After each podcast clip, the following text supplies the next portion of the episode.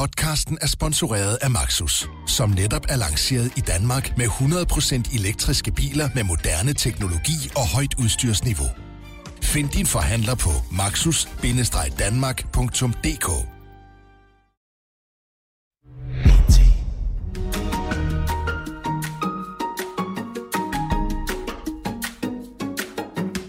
Det er torsdag. Nationen er fortsat lukket ned, men fortvivl ikke, for her er Q&K med endnu en tur de force gennem den danske medieverden.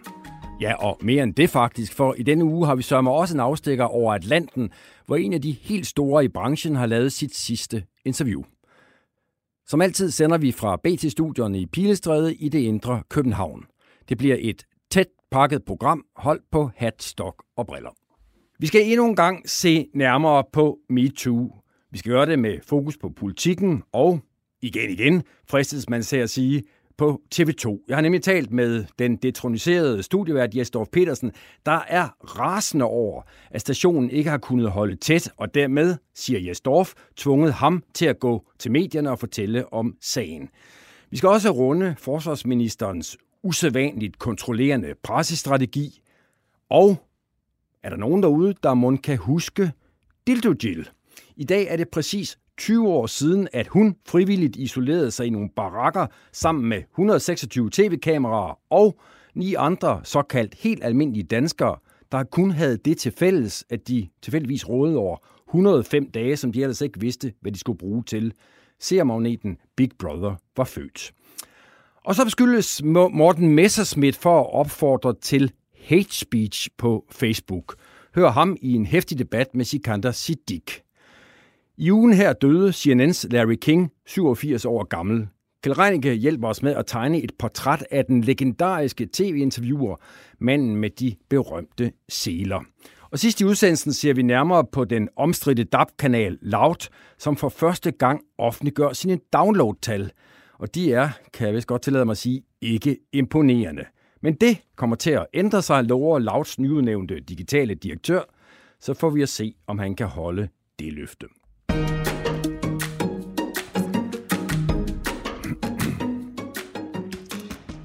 Og nu er jeg så kommet til det punkt øh, på dagsordenen, hvor jeg skal introducere min øh, gæstemedvært. Og øh, jeg skal ikke skjule, at jeg lige præcis i denne uge godt kan få noget, der tangerer præstationsangst. For jeg sidder nemlig over for, vil jeg gerne sige vejenregning, en af Danmarks absolut bedste interviewere. En kvinde, der kan få folk til at krænge deres allerinderste ud. Velkommen til dig, I-Maria Søjden. Du har lokket folk i uføre på 24-7, og nu gør du det så på P1 i programmet Tal til mig. Hvad er din hemmelighed? Hvordan får du folk til at sige alle de der ting, som de ikke vil sige, når de møder op i studiet? Øh, øh, øh, jeg, jeg, jeg, jeg lader tit være med at sige noget. Og så prøver jeg at lade være med at sige noget og se, hvad der sker. Så kommer man jo dybere ind i sig selv, og i sine følelser og i sine svar, og så er det der, at murene slår revner. Du er også øh, kendt, berømt, berygtet for, at du havde en, øh, hvad kan vi godt kalde det, sammenstød med Ja. vores allesammens øh, Gita Nørby. Øh, nu prøver jeg lige at citere for nogle af de ting, som Gita Nørby i sin tid sagde, da du var mødt op ude hos hende privat, så vidt jeg husker. Er det ikke rigtigt? Jo, Ja. Øh, Du kan da ikke sidde med den modbydelige mikrofon op i mit ansigt og tro, at jeg vil tale med dig. Gør du virkelig det? Jeg ved godt, at jeg er skrab, men tror du virkelig på det? Komplet uforskammet, det er, hvad det er, lyder det fra den 84-årige Nørby. Og hun kaldte dig øvrigt også for dybt åndssvag, overfladisk og sindssyg. ja. Det kunne vel ikke købes for penge, det der? Nej, altså det var, øh, det var en stor oplevelse. Det tager jeg roligt sige. Hvordan en stor oplevelse?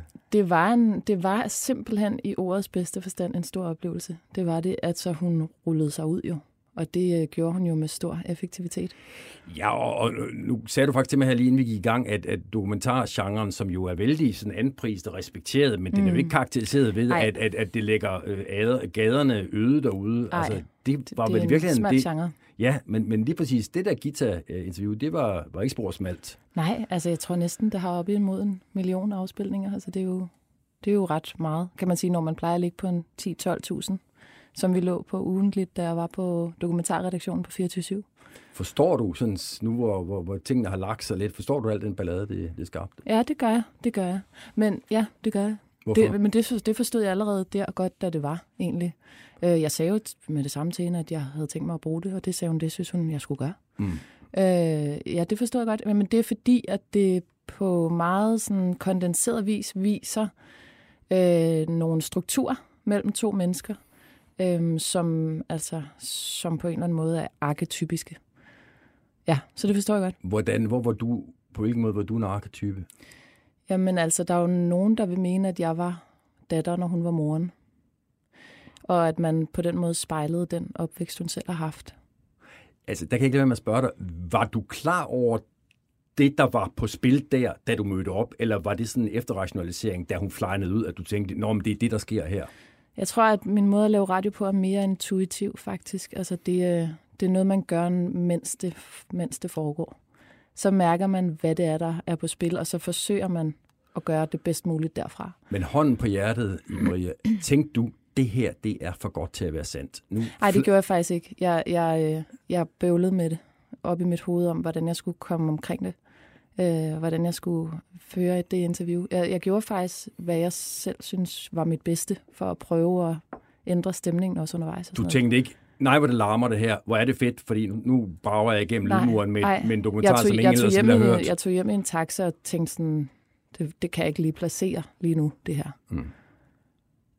Men hvad var det med den der, altså det der svin af en mikrofon, du havde ja, med Det er der? jo øh, en god gammeldags Neumann, som er min yndlingsmikrofon, som er det fineste, man har som er det, man altid vil bruge, hvis man har pengene og muligheden. Hvis man har en kilde, som har en god stemme, så fås det ikke finere, end at det bliver optaget med en Neumann. Og det er i øvrigt øh, en mikrofon, man bruger rigtig tit til filmoptagelser, så de fleste skuespillere kender den. Den er på størrelse med min underarm, som ikke er specielt stor, og så er der en vindhætte rundt om. Øh, og det er et fabelagtigt aggregat, som jeg har haft med mig i 10 år. Men det er jo sjovt, at man kan danne sig billeder op i sit hoved, fordi jeg har for mit indre blik forestillet mig altså et, et altså halvanden meter lang stang, ja. du simpelthen medbragte op jeg tror, til. Jeg tror, det er 20 cm selve mikrofonen. Og hvad er det ikke? Nej. Men den har ligesom levet sit, sit helt eget liv. Altså, det var faktisk min største præstation. Det var, den røg om bag en betalingsmur på ekstrabladet.dk. Tænk en gang som fagperson og lydnørd, at man får placeret en nøgmand øh, bag en betalingsmur. det er simpelthen den, der skal få folk til at betale for at komme om bag betalingsmuren på Ekstrabladet. Det var et stolt øjeblik, lige det der. Ja. Det vil jeg sige. Du har også lavet andre ting på, øh, på 24-7. Faktisk har du jo, øh, man kan måske ligefrem sige, at du var forud for din tid. Fordi du satte dig jo for, sammen med Iben Tranholm, tror jeg det var, øh, og finde ud af, hvad er det egentlig, der sker med det der MeToo i Danmark. Ja, vi troede jo, MeToo kom til Danmark ja. i 2017. Og det gjorde MeToo Så ikke. vi besluttede os for at sætte os ned. Godt assisteret af vores ret sådan, skabte synes jeg godt, man kan sige, chefer Michael Bertelsen og Mads Brygger, og lave et program, der hver dag fulgte udviklingen i den danske MeToo. Et program, der hed Stille for optagelser. Vi mødte ind på redaktionen med rygende faner og åbne computer, og nu skulle det bare være. Og der skete ikke en skid. Jeg kan huske, at jeg lyttede til dig, og jeg tænkte, det edderbroderer med godt trådt vande, det der. Altså, vi havde så meget tid til overs. Og vi blev jo ved ret lang tid. Vi tænkte hver dag, nu kommer det lige om lidt, kommer det. Det, er jo, det, det gjorde det bare ikke. Og, og det, der var lidt slemt set i bagspejlet nu, det var jo de kilder, der faktisk stod frem i 2017. De kvinder, der stod frem og sagde noget og fortalte deres vidnesbyrd, de stod helt alene. Mm. Det, det er svært at se på i retrospekt, vil jeg sige, hvor stor en opbakning de kunne have haft dengang. Er det sådan, at nogle af de kvinder, du havde fat i dengang, at du tænker med det, der skete, altså her to, tre, fire år senere, at det ville have stået i helt andet lys? Ja, absolut. Og der er flere af dem, der har skrevet til mig, kan du godt forstå, at jeg synes, det er hårdt at se den opbakning, der er til de kvinder, der står frem nu. Jeg er glad for, at det kommer frem, siger de. Jeg er glad for, at den bevægelse er der, men jeg, jeg kan ikke, øh, altså, jeg kan ikke øh, være glad på deres vegne, fordi jeg selv har manglet den støtte. Altså hvis man spørger, hvad var det, der ikke var i 2017, som er der i dag, så ligger svaret jo lige for mm. øh, Sofie Linde. Mm. Men er det det eneste svar, tror du? Altså jeg tror jo, det er et timingspørgsmål. Sofie var ligesom den, der sparkede døren ind, og det, og det er jo vanvittigt, at hun gjorde det. Jeg kan huske den morgen, jeg vågnede op og hørte det klip, øh, og jeg med det samme tænkte, nu er der sket noget, som ændrer øh, situationen. Nu, nu sker det. Øh, så gik der nogle uger, som var ret mærkelige, hvor folk synes, det var rigtig fedt, men det handlede om Sofie Linde. Og det synes jeg var øh, lidt ærgerligt for Sofie og ærgerligt for sagen. Øh, og så på et tidspunkt, så blev den så bredt ud, hvor andre sagde, det er faktisk ikke kun et spørgsmål om Sofie og en vild case og en modig kvinde, det er det også, men det er et bredere spørgsmål. Og så startede det, men der var tre uger, hvor jeg tænkte, nu sker det igen, nu bliver der stille igen. Sådan, det som, sådan som du havde oplevet det i 17? Ja, altså bortset fra, at det ikke var mig, der stod frem, men øh, ja, som man havde set før. Ikke? Og der kom jeg selv også til at skrive nogle hæftige øh, udsagn og sådan noget, fordi jeg simpelthen var så nervøs for, at, at folk fik lukket munden igen. Hvor jeg kan se nu, hvor det så har rullet, så, øh, så er jeg anderledes stemt over for den modstand, der alligevel må være og skal være i et demokrati. Men nu kan jeg, ja, og præcis det kunne jeg godt tænke mig at holde lidt fast i, fordi du, nu sidder jeg over for en journalist, der tilbage i 2017 oplevede en bold, der slet ikke rullede. Mm. Og så fast forward til her 2021, hvor den jo i den grad ruller, og rigtig stærkt den da. Mm. Øh, øh, burde vi befinde os et eller andet sted imellem de to yderpoler, eller hvad? Altså, jeg tror sagtens, det kunne rulle stærkere, end det gør i Danmark, så jeg tror faktisk, at vi befinder os et sådan nogenlunde sted. Altså, hvis du kigger på Sverige, så øh, synes de jo, at den måde, det går på i Danmark, er faktisk den fornuftige, når de kigger tilbage i retrospekt, hvordan deres MeToo rullede. Så jeg ved ikke, altså jeg synes, det er godt, når det går langsomt. Jeg synes, det er godt, når processerne er langsomlige. Og jeg synes, det er godt, at vi har, øh, den, nogen kalder det et backlash, men den modstand, som der er. Og hvad er det for det, modstand, du taler om? Lad os bare forstå det. det. Det er folk, der siger, at det er gået over gevind, eller der er ligestilling i Danmark, eller mændene, mændene bliver ødelagt af det her. Ja, det mændenes retssikkerhed, og nu tager mændene slet ikke sige noget. Og alt det der. Det er helt fint, at det er der. Det, som man kan sige, vi godt kunne blive bedre til, os journalister, det er at være bevidste om den måde, vi formidler MeToo på.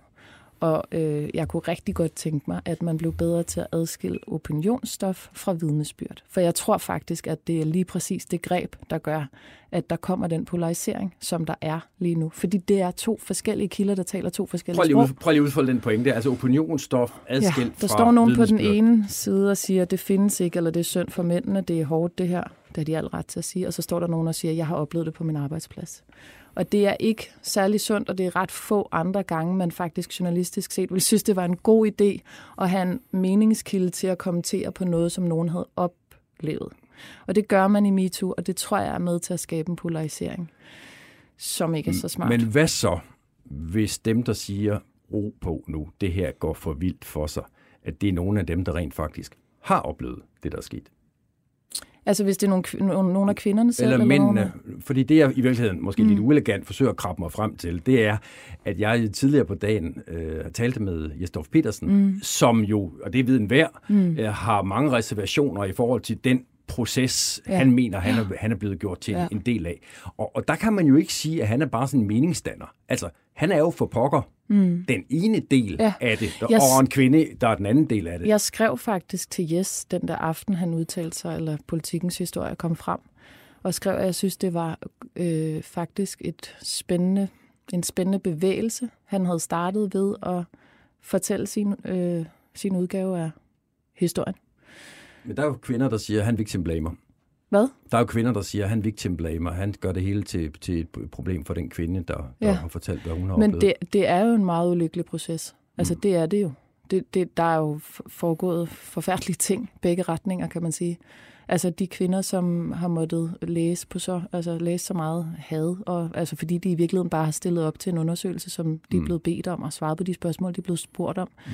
blevet altså, troet og hånet og det, det er ulykkeligt på alle mulige måder. Men kan du godt forstå, at mand som Jes Dorf føler, at han er blevet kørt over med en damptrumle? Det, det, har jeg nok, det, det, har, det kan jeg ikke udtale mig om, fordi at jeg ikke er inde i Jes Dorf. Men lad os prøve at høre, hvad Jes Dorf selv siger, fordi som jeg allerede har øh, antydet, så, så ringede jeg til Jes Dorf lidt øh, tidligere i dag, fordi øh, at Jes Dorf har skrevet til mig nogle gange og sagt, at han faktisk er øh, rigtig vred over, at han var nødt til, siger han selv, at gå ud i politikken og fortælle om noget, han synes er meget, meget privat. Men der var ikke nogen vej udenom, siger altså øh, Jes Dorf Petersen. Altså, det er jo ekstremt ubehageligt, men, øh, men øh, det er jo ikke overraskende for mig, fordi jeg ved, at, at kendskabet til min sag, altså både anmelderens navn og mit navn, navn blandt andet, har været kendt og noget, man har talt om i lang tid uden for TV2. Det hørte jeg faktisk allerede mens advokatundersøgelsen stadig var i gang i, øh, i november, der får jeg henvendelser, sms'er og opkald fra, fra flere andre medier, som øh, også dit, Henrik, som, som, som kendte til de her omstændigheder. Og så forstår jeg jo tidligt, at der er nogen, der har givet de her informationer videre, både om dokumentarens research og indholdet af den advokatundersøgelse, øh, og endda med forbavsende mange navne øh, sammenfald, altså navne og både på anmelder og, og øh, anmeldte, som går igen og igen. Også mit øh, navn. Og de eneste, som jo kender til de to ting på det tidspunkt, det er folk inden for TV2, som altså til synligheden ikke kan man sige, har forstået at respektere hverken altså journalistisk diskretion, anonymitet eller kildebeskyttelse, men åbenbart har haft et eller andet behov for at sprede den her historie til, øh, til offentligheden. Og det er, det er, for at sige det mildt, ikke i orden. Og det er allermest ikke i orden, fordi det viser, at processen på TV2 med de to separate spor, advokatundersøgelse og dokumentar, ikke har været i orden. De er ikke blevet holdt øh, hver for sig. Så det, det har jeg et rigtig, rigtig skidt med. Har du nogen øh, idé om, Jesdorf, øh, hvor de læk stammer fra? Altså jeg kan også spørge på en anden måde. Er det fra advokatundersøgelsen, eller er det fra øh, dokumentaren? Eller hvad, hvad er din teori i forhold til de læk? Altså, jeg har ikke noget grundlag for at sige, hvem der øh, øh, har stået for de sandsynlige læk. Øh, og hvad der er blevet sagt, det ved jeg heller ikke noget om. Jeg har jo sådan set kun fået hvad kan man sige, rygternes øh, markedterning, altså det afgørende i dem at vide, nemlig at, øh, at jeg og, og, og, og en af de, øh, der anmeldte mig, øh, har været common knowledge i mediekredse. Men det er, jo, det, er jo, det er jo klart, at det er nærliggende at konkludere, at det læg kommer fra, fra, fra TV2, fordi altså, det er jo kun folk indenfor på stationen, der har kendt til de her ting, og derfor kan det næsten også kun være dem, der har øh, spredt indholdet ud af huset af både advokatundersøgelsen og dokumentarens øh, indhold under den research, der var i gang ellers under foregivende fra TV2 af, at det her det skulle være virkelig hemmeligt og, og, og virkelig bliver holdt øh, internt. Og man kan sige, det faktum, at jeg var klar over, at mange flere, end der burde vide til, kende til det her, øh, kendte til det alt, alt for tidligt. Det var også derfor, jeg selv valgte at fortælle min historie til politikken, fordi jeg havde sådan set ikke noget valg. Den her historie havde nogen, måske fra TV2, allerede givet videre, og derfor forstod jeg i en, øh, i en, i en ret øh, forfærdelig situation. Jesper Petersen, du var øh, formelt ansat på Nordisk Film. Øh, der er du nu ikke længere, fordi øh, TV2 ikke ønskede at bruge dig som vært på øh, God Aften. En anden, der også øh, var, øh, eller er tilknyttet Nordisk Film, det er Janne Petersen. Hun er vært på Godmorgen Danmark. Hvad siger du, øh, hvis jeg nu fortæller dig, at jeg fra flere kilder har hørt, at øh, Janne Petersen skulle have været vært på øh, den dokumentar, som altså skulle handle om øh, MeToo og også handlede om dig, og at Janne Petersen var med på en tur øh, i udlandet, hvor øh, en af de kvinder, der har rettet øh, kritik mod dig, blev interviewet. Hvad er din reaktion på det? Jamen, det synes jeg er ekstremt ubehageligt. Det, det, det er i hvert fald med et mildt udtryk ganske tankevækkende, vil jeg sige, hvis det er rigtigt, det du siger. Altså en af mine nære kolleger, mens jeg var på Nordisk Film og, og, og også arbejdede for TV2, altså vi har jo delt både redaktion og studie og sådan noget, at Janni Petersen også har været aktiv i en research og optagelser, i hvert fald til den her dokumentar, hvor jeg har været under anklage, uden at jeg fik det at vide. Øhm, det er ubehageligt, og det er, hvordan skal jeg sige det, det synes jeg ikke er hverken etisk øh, eller journalistisk i orden, at en kollega hemmeligt arbejder på et projekt, der handler om en anden kollega fra samme arbejdsplads. Øh, altså det, det, det vil jeg i hvert fald aldrig gøre. Og så viser det mere principielt, hvis det er rigtigt det, du siger, at Janne Petersen har været i udlandet og på en eller anden måde arbejdet, uden at jeg vidste bag det her. Det viser jo også, hvis vi går lidt op på, øh, på, øh, i det højere perspektiv, at den gravergruppe, som TV2 satte i gang med den her dokumentar, det her projekt, ikke har arbejdet med nogen vandtætte skodder over for resten af TV2, fordi det ledelsen sagde, at var en grundlæggende garanti for, at nogen på TV2 kunne undersøge andre fra TV2, det var jo, at gravergruppen skulle arbejde selvstændigt og uden at samarbejde med dem, researchen handler om, altså TV2's egne medarbejdere. Men hvis det her, du siger, er rigtigt, så øh, har gravergruppen jo, kan man sige, potentielt, eller i virkeligheden benyttet i hvert fald en medarbejder fra TV2, altså Janne Petersen, som også er i målgruppen for researchen. Og dermed er rollerne jo fuldstændig blandet sammen, og hele TV2's argumentation for, at man godt kunne lave en dokumentar om sig selv, den skvatter sammen, og det er simpelthen ikke i orden. Det er stærkt, stærkt betænkeligt. Men så bliver jeg nødt til at spørge her som djævelens advokat, Jesdorf. Altså, Janne Petersen er jo en professionel journalist. Det kan godt være, at hun er kollega med dig på Nordisk Film, men, men en professionel journalist. Hvorfor skulle hun ikke kunne varetage på professionel vis et øh, værtsjob, hvor hun øh, undersøger øh, forholdene øh, på TV2? Jamen, det skal jeg jo ikke sige, at Janne Petersen ikke har kunne gøre. Men man bliver bare nødt til at sige, at det rollesammenfald, der er for hende, det er jo øh, i sig selv nok til at sige, at den situation skal man ikke sætte sig selv i som journalist, at man skal ind hemmeligt og undersøge en nær kollega i en sag, som potentielt også kunne, øh, om jeg så må sige, ramme en selv, fordi alle på TV2 er jo potentielt, om jeg så må sige, mulige øh, emner i researchen til den her dokumentarudsendelse. Og så kan det være noget, at man tager en af dem og siger, du skal også lige være vært på det program, der belyser dine egne kolleger, og egentlig også dig selv. Der er noget, der er ravende galt her, og jeg skal selvfølgelig ikke begynde at beskylde nogen, eller Janne Petersen eller andre for noget urent trav. Men den her rolle, eller dobbeltrolle, den dur simpelthen ikke, og den er med til at vise, at hele den her proces, både med advokatundersøgelsen og med dokumentaren, den er fuldstændig eksploderet i hænderne på TV2. De har lukket et monster ud, som de ikke har kunnet styre. Ja, Iben Maria Søjden, TV2 har lukket et monster ud, de ikke har kunnet styre. Hvad tænker du? Ja, altså det tror jeg nu nok, de har. Altså, øh, altså man kunne kan styre? Sige, øh, ikke kunnet. Altså det, ja. det er jo ikke sat på hylde nu, kan man sige. Øh, jeg tror nu nok, at man ville kunne umiddelbart forsvare, at en vært laver to forskellige ting. Altså fordi det er jo det, det handler om. Øh, men jeg kan godt forstå, at man som vært på tv, hvor man er afhængig af sine kollegers tillid og omvendt, synes, det virker voldsomt at få den øh, oplysning, som du giver ham her i klippet. Og så kan man sige, at hele den her historie fortæller faktisk bare noget om, at journalistikken ikke er gearet til, til det, der er sket i Danmark siden september. Altså, det, vi, vi ved simpelthen ikke, hvordan vi skal... Vores redskaber, som vi tager op af kassen, de virker ikke særlig godt lige på det her. Hvad er det for nogle redskaber, du tænker, at vi mangler? Jamen, altså, vi havde, der var jo den der sag for nylig med en øh, journalist fra Avisen.dk, der ringede til en kvinde, som havde jo været, givet sin vidnesbyrd omkring en øh, chat. Som vi også omtalte her i programmet ja. for et par uger siden. Og man kan sige, at Avisen.dk's forsvar er jo, at man skal ringe og få modsvar. Øh, men så kommer alle de andre komplikationer i det, som er, at ved at gøre det, så victim blamer man, og man giver øh, kilden et ansvar, som kilden nok ikke skulle have haft. Og der kan du se, der støder etikken imod vores relevanter. Og det synes jeg faktisk, man ser enormt tit i de her sager. Og det er faktisk også noget af det, der er sket i Estorfs sag. Et andet, lad os gå lidt væk fra, fra TV2. Et andet bladhus, der også har været i, øh, i søgelyset, øh, er øh, Dagbladet Politikken, mm. som øh, jo i hvert fald gerne ser sig selv som, som frontkæmperne mod øh, MeToo og alt dens øh, uvæsen. Chefredaktør øh, Christian Jensen har øh, tidligere sagt, at der har været en, han tror han brugt udtrykket, en håndfuld sager, sådan lidt upræcis, som man har håndteret. Nu har, og man skal jo ikke være for stor til at rose konkurrenten, men nu har Ekstrabladet i dag faktisk et rigtig, rigtig fint interview mm. med selv samme øh, Christian Jensen, fordi det viser sig ved fintællingen, at en håndfuld, det er i hvert fald meget vidt øh, defineret, fordi øh, bredt defineret. Det var meget, meget stor hånd. Ja, det var nemlig 12, 12 sager. Ja. Og, og så bliver det faktisk rigtig interessant i det interview, som øh, Maja Tikali, Ekstrabladets journalist, laver med Christian Jensen til sidst, hvor hun så spørger ham, om der er nogen fra politikens ledelse, der har fået en øh, reprimand i den her sammenhæng. Prøv lige at høre øh, øh, ordvekslingen. Hvorfor er du så den rigtige til at ændre på kulturen nu?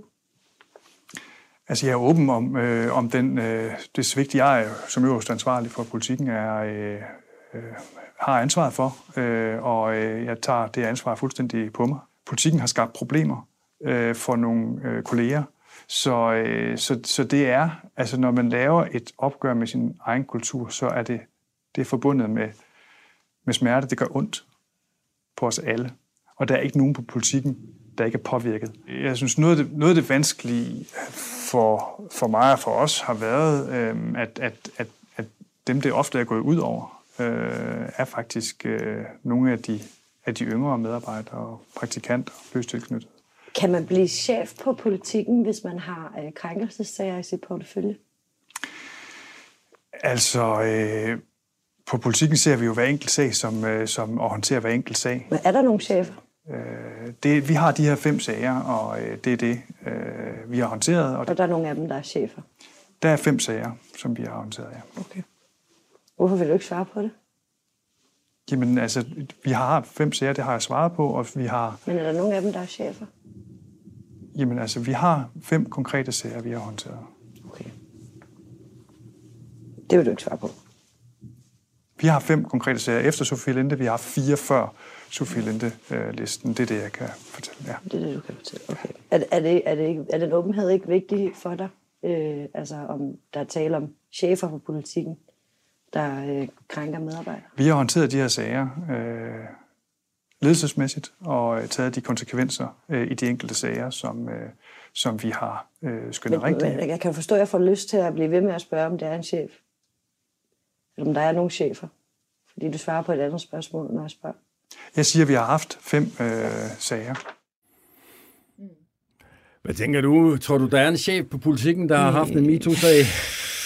Altså, det er jo jeg vil bare lige hurtigt sige, at uh, Ekstrabladet uh, synes jeg har rigtig mange problemer i forhold til uh, sexistisk adfærd, sådan udadtil i hvert fald. Men derfor kan der men, jo godt sidde en journalist men, på Ekstrabladet lavet et godt interview med Og det er lige politikken. præcis det, jeg vil sige. Ja. Jeg synes, det er skideskønt at se Maja lave det her interview. Ja, og Tækkeli hedder hun vist. Jeg tror, Maja jeg kommer, Tækkeli, jeg tror, jeg kommer der sidder ja. som, ja, nu begynder vi så at snakke alder og køn, men, ja, men, men ung, ung, kvinde, kvinde, ung kvinde. Og øh, som en anden sød terapeut fører chefredaktøren igennem et rigtig modbydeligt interview. Og man kan jo simpelthen se, at ja. Christian Jensen... Åh, han synes, det er så irriterende. Og, og tænker, nu, nu svarer jeg udenom, ja. nu siger jeg, at vi har fem jeg sager, bare ved, og, og, så, holder, hun, og så holder hun op ja. lige om lidt. Men det, men gør, det gør hun, hun ikke, ikke. og det er... Nej. Det synes jeg, vi skal og sige. rigtig venlig samtidig. Det er et Stor og for, forbilledet interview. Ja, interview, ros ja. til Maja herfra.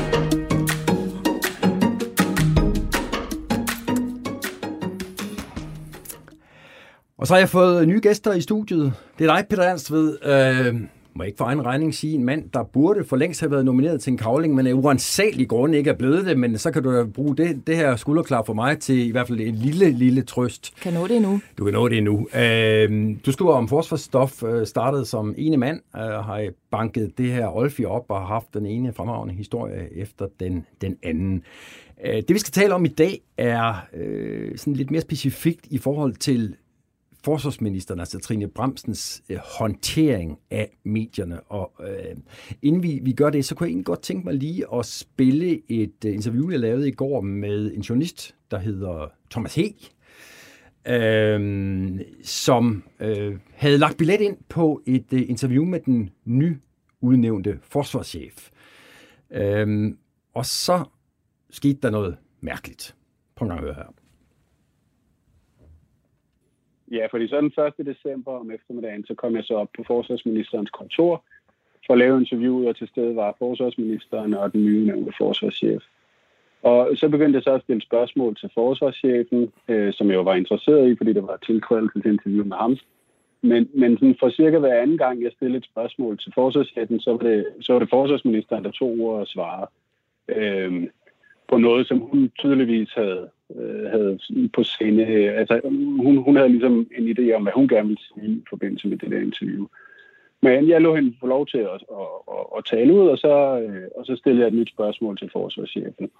Og på et tidspunkt, så, øh, så udviklede det der interview sig mindre godt, fordi forsvarschefen var meget sådan ordknap, og han sad også og kiggede over på ministeren, når han svarede. Så jeg havde ligesom indtryk af, at han var lidt trykket af at skulle sidde og gennemføre det interview med sin chef til stedet. Øh, så på et tidspunkt så spurgte jeg altså om et eller andet øh, omkring, om han havde noget at sige om sin forgænger, Bjørn Biserup, og så brød ministeren igen ind og sagde, at det synes hun ikke, at, at jeg skulle spørge om. Og så, og så blev jeg lidt irriteret og, og sagde, at, øh, at jeg synes, at det ville fungere bedre, det interview, hvis hun, hvis hun ikke svarede på de spørgsmål, som jeg stillede til ham. Og, og så gik det helt skævt derfra. Hvad skete der? Jamen, så øh, rejste ministeren sig op og, og hentede og åbnede døren og forlod kontoret og hentede en, en pressemedarbejder og, og sagde, at øh, hun mente, at præmissen for interviewet var skæv, fordi det skulle være et dobbeltinterview, og det, det var det, der havde været aftalen. Og, og jeg sad jo på min side og synes, at jeg havde gjort ret klart, at jeg var interesseret i at lave et tiltrædelsesinterview med, med forsvarschefen, og det derfor var ham, jeg, jeg fokuserede primært på. Men Thomas, Men undskyld, jeg afbryder. Du havde vel egentlig, hvis jeg bare lige må holde lidt fast i det, du havde vel også købt præmissen om et dobbeltinterview, havde du ikke det? Jo, altså jeg havde sagt ja til, at, øh, at de begge to var til stede, men jeg mener ikke, at jeg dermed havde sagt ja til, at jeg ligesom skulle øh, spørge først forsvarschefen om et spørgsmål, og så forsvarsministeren, og så forsvarschefen, og så forsvarsministeren. Og, og i øvrigt, så var det jo ikke, øh, oplevede jeg nødvendigt at spørge forsvarsministeren om særlig meget, fordi hun tog selv ordet. Øh, og, og jeg skal bare forstå det. Var det sådan, at et spørgsmål, som du altså specifikt rettede til den nyudnævnte forsvarschef, at det der var forsvarsministeren, der, der besvarede dem? Ja, altså det var der eksempler på, ja. Det var, ja, jeg spurgte jo sådan set kun ham. Øh, øh jeg nåede ikke frem til at spørge for øh, forsvarsministeren om noget, fordi hun, hun selv øh, tog ordet under interviewet. Ja, så udviklede det sig selvfølgelig sådan, at, at da den her pressemedarbejder så kom med ind og sad, så, så fortsatte jeg med at prøve at stille et par spørgsmål til forsvarschefen, men, men altså, der, der kunne jeg ligesom godt mærke, at der var stemningen dårlig, og han, han blev sådan endnu mere ordknap i, i sine svar, så, så der kom ligesom ikke mere ud af det, kunne jeg godt mærke. Så, så takkede jeg pænt af og, og, øhm, og, og, gik, og gik tilbage til redaktionen øhm, for at skrive interviewet. Ja. Og så, øhm, så skete der så to ting efterfølgende. Det første, der skete, det var, at jeg kort efter jeg var kommet tilbage, så fik jeg en mail fra den nye kommunikationschef derovre, som jeg jo aldrig nogensinde har talt med, Øh, og hun skrev så øh, i den her mail, at, at hun var overrasket over, at jeg havde øh, øh, for, for, forbrudt mig mod en aftale, mente de, og at øh, en eller anden retning af, at det var vigtigt, at man opførte sig respektfuldt. Øh, og, og den mail, den øh, valgte jeg ikke at reagere på, fordi øh, jeg tænkte, at det kom der nok ikke det, det helt store ud af. Øh, og, og så skrev jeg interviewet, og i det øh, citerede jeg udelukkende forsvarschefen, fordi med det materiale, jeg var kommet hjem med, der synes jeg, det var det mest interessante. Det, som forsvarschefen havde sagt under interviewet, det, nej undskyld, det, som forsvarsministeren havde sagt under interviewet, det, det var i, i det store hele noget, som, som hun var citeret for i forvejen, nemlig nogle af, øh, nogle af hendes tanker omkring, hvorfor hun havde valgt ham frem for en anden. Og så onsdag morgen, eller formiddag, blev jeg så ringet op igen fordi det var nemlig sådan, at jeg allerede øh, før interviewaftalen den 1. december havde en anden aftale med interview Trine Bremsen den følgende fredag, altså tre dage efter. Øh, men, men nu fik jeg så at vide af pressemedarbejderen, som ringede op onsdag, at det interview, det var blevet besværliggjort af, øh, at det var gået dårligt med det interview der den 1. december. Øhm, han sagde, øh, noget i retning af, at ministeren følte, at jeg havde ydmyget hende på hendes eget kontor, og derfor var det nok svært at se, at det interview kunne komme i stand. Så vidt altså Thomas He, øh, forsvarsmedarbejder på Ritzau's bureau indtil for ganske kort tid siden. Thomas er ikke længere på Ritzau, det skal jeg understrege, det har ikke noget at gøre med den her sag. Peter Ernstved, øh, du har i den grad erfaring med at interviewe både forsvarsminister og forsvarschefer. Lad os lige få en ting på plads her fra en start. Der kunne godt være, der sad nogen derude og tænkte, om det er bare en journalist, der, der, der, der er en mose, og han kan ikke forstå, at der skal både være den ene og den anden til stede, og han piver. Hvor usædvanligt er det her? Øh, helt, helt usædvanligt. Altså det, at et øh, interview med en forsvarschef, øh, at der bliver sat en betingelse for det interview, at ministeren skal være til stede. Det er jo fuldstændig uhørt. Øh, og jeg har aldrig oplevet det før. Jeg har så til gengæld oplevet det øh, omtalt her flere gange med den nye forsvarschef, hvor det er enormt vigtigt for både ham og ministeren at sige, at vi er et ledelsesteam. Øh, og det, man må forstå her, det er, at forsvarschefen, han skal ikke udtale sig, med mindre at ministeren sidder på nakken af ham. Og det tør jeg godt sige, fordi jeg har jo dækket forsvaret nu i snart fem år. Og øh, der har jeg aldrig haft problemer med at få lov at tale med en forsvarsminister. Altså Peter Christensen fra Venstre var minister, da jeg etablerede Olfi. Ham fik jeg et interview med, inden jeg etablerede Olfi. Jeg fik øh, interview, når jeg bad om det. Det samme med Claus Hjort Frederiksen. Der kunne jeg ringe ind, og så, jamen, det finder vi ud af, hvornår øh, næste uge er det okay. Det var aldrig et problem. Øh, da Trine Bramsen kommer til i juni 2019, der drikker jeg en kop kaffe med hende indledningsvis, tænker, det er en rigtig god start på sådan et, øh, et professionelt forhold. Og da jeg så efterfølgende retter henvendelse om at få et interview, så er svaret nej. Og det skal jo siges, det var i den periode, hvor jeg skrev en hel del om en, en række kedelige sager i forsvaret, nepotisme, en herrchef, der forfremmede sin egen kærestes karriere, og deslige og deslige. Det vil sige, det var jo ikke solskinshistorie, jeg henvendte mig til Forsvarsministeriet men når jeg bad om et sådan større rundt om interview med ministeren. Det blev afvist hele tiden. Øh, her i januar fik jeg så lov til at få et interview. Og for første gang var der ikke betingelser for det interview. Og det er jo en stor gave til ministeren. Øh, det var det interview, som øh, jeg optog på Radio 4, hvor jeg har et program, der hedder Frontlinjen. Og, og, og det var sådan et interview, der både blev brugt der, og så havde jeg et skriftligt øh, interview ud fra den, den, den samme optagelse øh, i Olfi. Og, og det, der er enormt interessant, det er, der er, at jeg, et af mine temaer i det interview, det er, at jeg spørger hende, hvordan vil du sikre dig, at vi får en åben og fri debat om forsvarets indrettelse og størrelse frem mod det kommende forsvarsforlig, hvor hun siger noget med, jamen altså, at øh, det kan man godt debattere, øh, men det er vigtigt for hende at slå fast, øh, og jeg spørger, hvordan du, skal forsvarschefen deltage i den debat, hvor hun så siger, at forsvarschefen er styrelseschef på lige fod med en direktør i Skattestyrelsen, og i Danmark øh, har vi demokrati, og der er det sådan, at det er politikerne, der øh, debatterer offentligt. En styrelse, det er en politisk organisation, hvor styrelseschefen ikke skal blande sig i altså, undskyld, jeg, jeg afbryder lige ja. her, fordi det, jeg, jeg synes stadig ikke helt, jeg kan forstå, hvorfor det ikke bare er sådan, at en journalist for Ritzau i det her tilfælde tænker, altså jeg, jeg, jeg bad om for, interview med forsvarschefen, nu får jeg så forsvarsministeren, det er to for ens pris. Altså, hvad er problemet? Jamen, det er jo faktisk også det, han gør. Han siger, okay, jeg tager hende med, fordi hvis det er betingelsen, det kan ikke skade at have ministeren med. Men det, der er jo det helt absurde og paradoxale, det er, at han har jo hele tiden gjort opmærksom på, at det er forsvarschefen, jeg er interesseret i. Det, altså, han har første dag i sædet, det, det er ham, vi skal høre. Uh, vi har hørt ministeren. Det er jo det, han også fortæller dem. Og så stiller han spørgsmål til forsvarschefen. og har jo også spørgsmål til ministeren, men hun afbryder jo hun, hun svarer jo på forsvarschefens spørgsmål. Det er absurd. Og, og det er jo absurd, at, at hun ikke kan vente til spørgsmålet så kommer over til hende.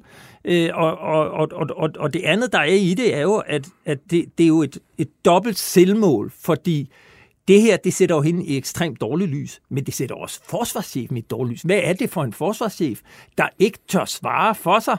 Altså er han så kudet af sin minister, at han kun tør udtale sig til pressen og til offentligheden, når ministeren sidder på hans skulder?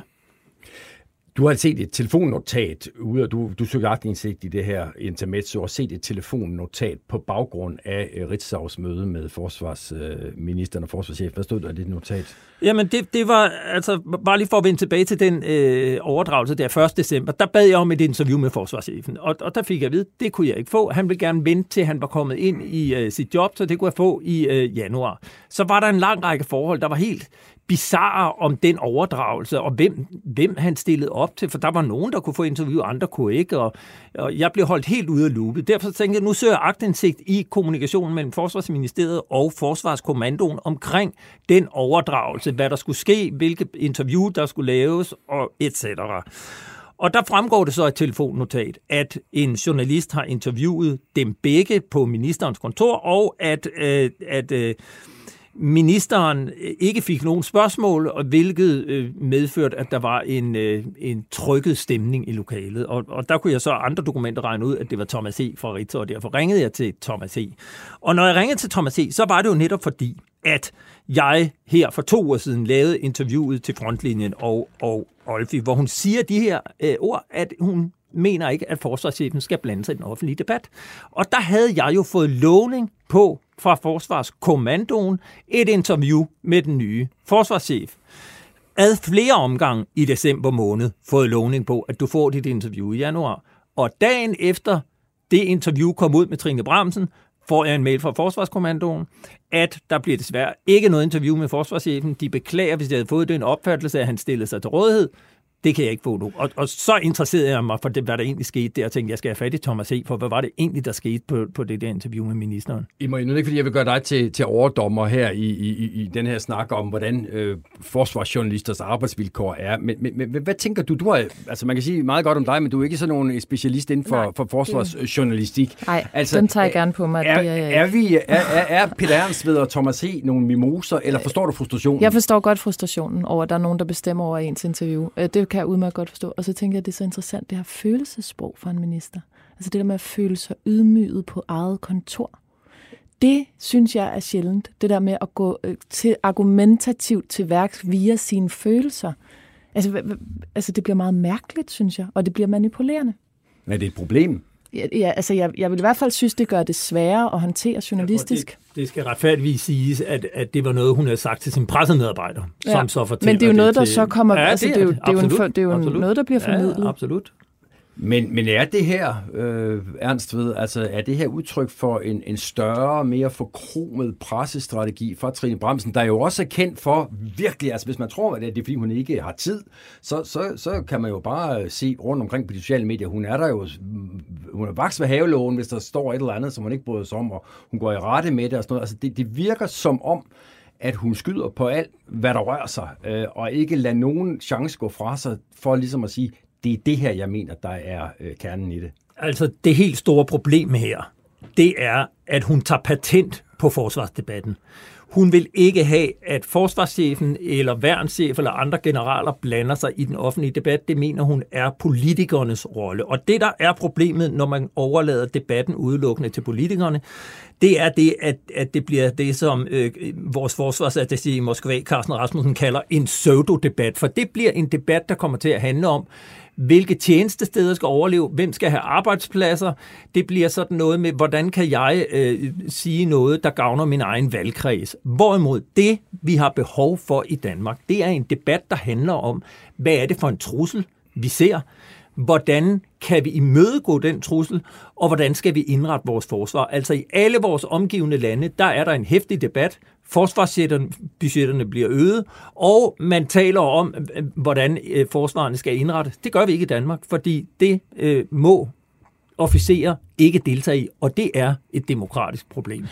Bør hun ikke også være finere som minister, end at jo, sidde og svare altså. på de her ting på sociale medier, nede i et gulvhøjde, jo, hvor vi og, andre er? Altså, og jo så især, og så når det, især når det viser sig, at de indvendinger, hun har mod øh, forskellige former for journalistik, ja. ofte er fejlagtige. Altså, der var en sag med, med, med TV2, øh, hvor TV2 havde været ude og beskrive, hvordan forsvaret var blevet anvendt i forbindelse med øh, den her mink-nedlukning, og hvor hun så går ud meget bredt på Facebook, tror jeg det var, og skriver, at hvorfor bad TV2 ikke mig mm. øh, om en kommentar, og det hele var jo et forkert, hvor så øh, TV2's øh, redaktionschef øh, på Christiansborg, Mads Bisgaard, går ud og siger, men hør nu her, øh, forsvarsminister, hvad, hvad er det for noget? Vi har, jeg ved ikke, hvor mange gange spurgt efter en kommentar i forsvarsministeriet, og det var ikke umuligt at få sådan en. Så, så, så man kan jo sige, at hvis man vil gå i rette med... Det er faktisk meget ubehageligt, men det er jo bag, en form for bagvask. Altså, det er jo virkelig voldsomt, en voldsom anklage mod en journalist at sige, at man ikke har fået mulighed for at tage til genmæld, fordi det skal man jo have mulighed for. Peter? Ja, jeg vil også bare sige helt kort, den måde, hun agerer på, når hun agerer så aggressivt, og hun øh, går i rette med en forsvarsattaché i Moskva på den måde. Det, der er helt sikkert, det er, det slår ravner ned igennem hele systemet. Der er ingen, der skal nyde at sige noget som helst offentligt, for de risikerer at få kappet hovedet af.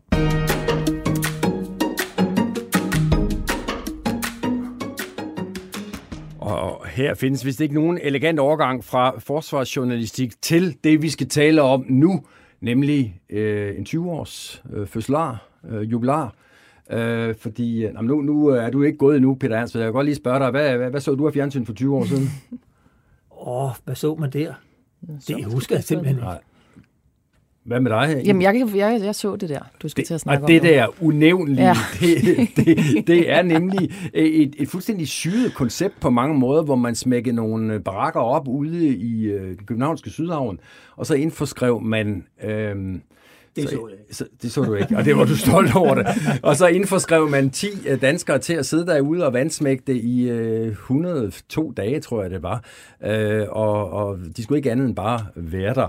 Øh, og jeg havde tidligere på dagen besøg af Verden for det der sælsomme stykke tv-historie, Lisbeth Jannike og en af de første deltagere, uh, Jill Nielsen, og jeg forsøgte sådan lige at bringe dem i den rette stemning ved at uh, indlede interviewet med at spille kendingen fra den gang.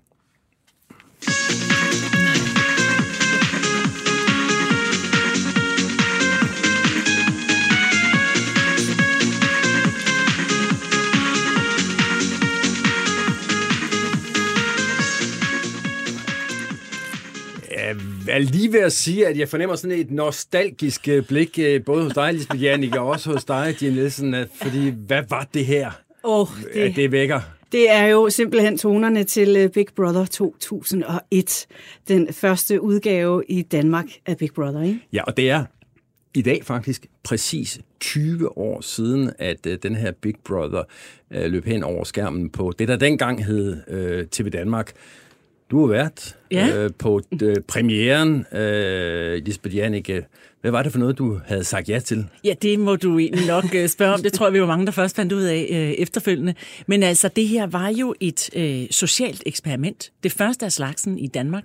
Det kom fra Holland, fra en hol- hollandsk øh, producent, der havde fundet på det. Øh, og øh, vi havde sådan ligesom hørt det. Det kunne godt blive ret øh, vildt og stort, og dem, der er med, bliver sådan rimelig kendt. Men, men vi havde altså ikke helt øh, gennemskuet, hvor stort det faktisk Men prøv, prøv lige øh, her til en start. Hvad var konceptet? jo, konceptet var, at vi fandt øh, 10 deltagere, som vi satte ind i et hus. Huset var overvåget med kameraer alle steder, faktisk også på toilettet, jo, og i badet, soveværelserne. Øhm, og så skulle de her 10 mennesker få 104 dage, var det så alt i alt, til at gå sammen. 100 dage hed det sådan i, i, i store træk. De blev så stemt ud øh, en af gangen. De skulle stemme øh, selv på hinanden, hvem de sådan mindst synes passede ind. Men, men, men man kan sige, at det sociale eksperiment var jo, vi, vi slukkede for, for tv, for, for telefoner. Der var ingenting, ikke nogen påvirkning udefra.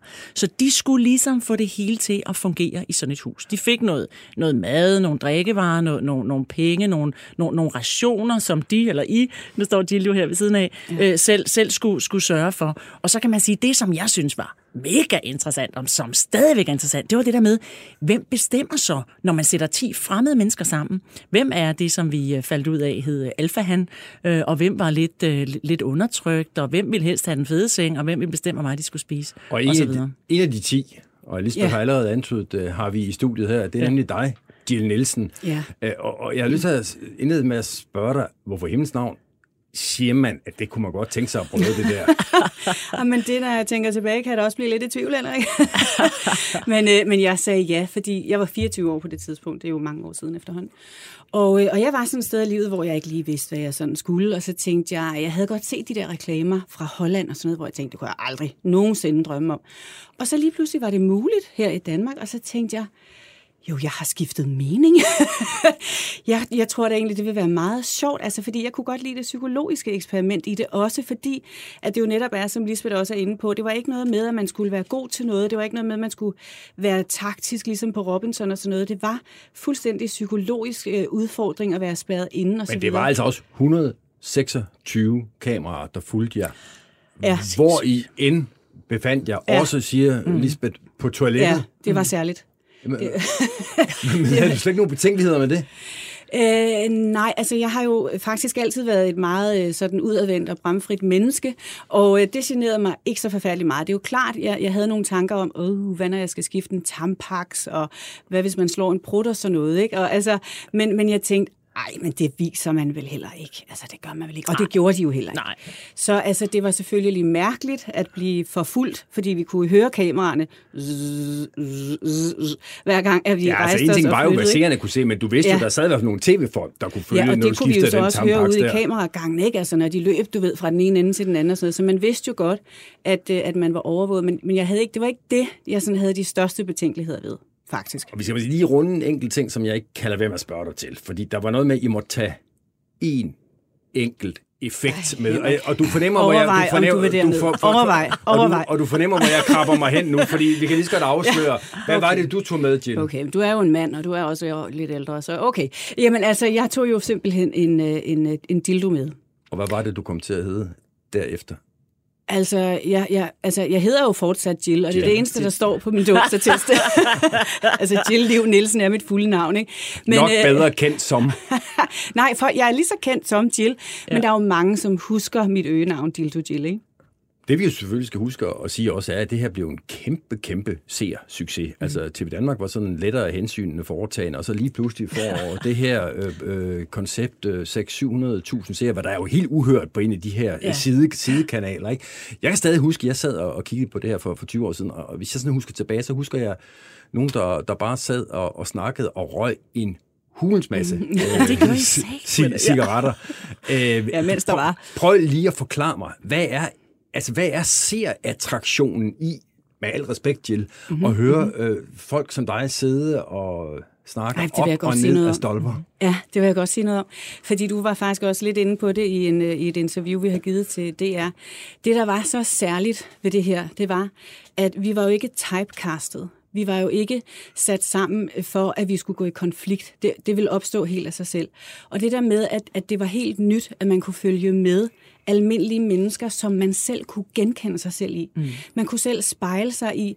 Jeg var jo utrolig øh, ulykkeligt forelsket i Christian Brøns. Ikke? Altså, og det der med, at der sad jo mange andre unge piger derude, der kunne genkende det der med at være forelsket, og hvordan håndterer man konflikter, og nej, nu blev de uvenner, ej, nu nej, jeg er sur, fordi der ikke er flere cigaretter. Hvad gør man så?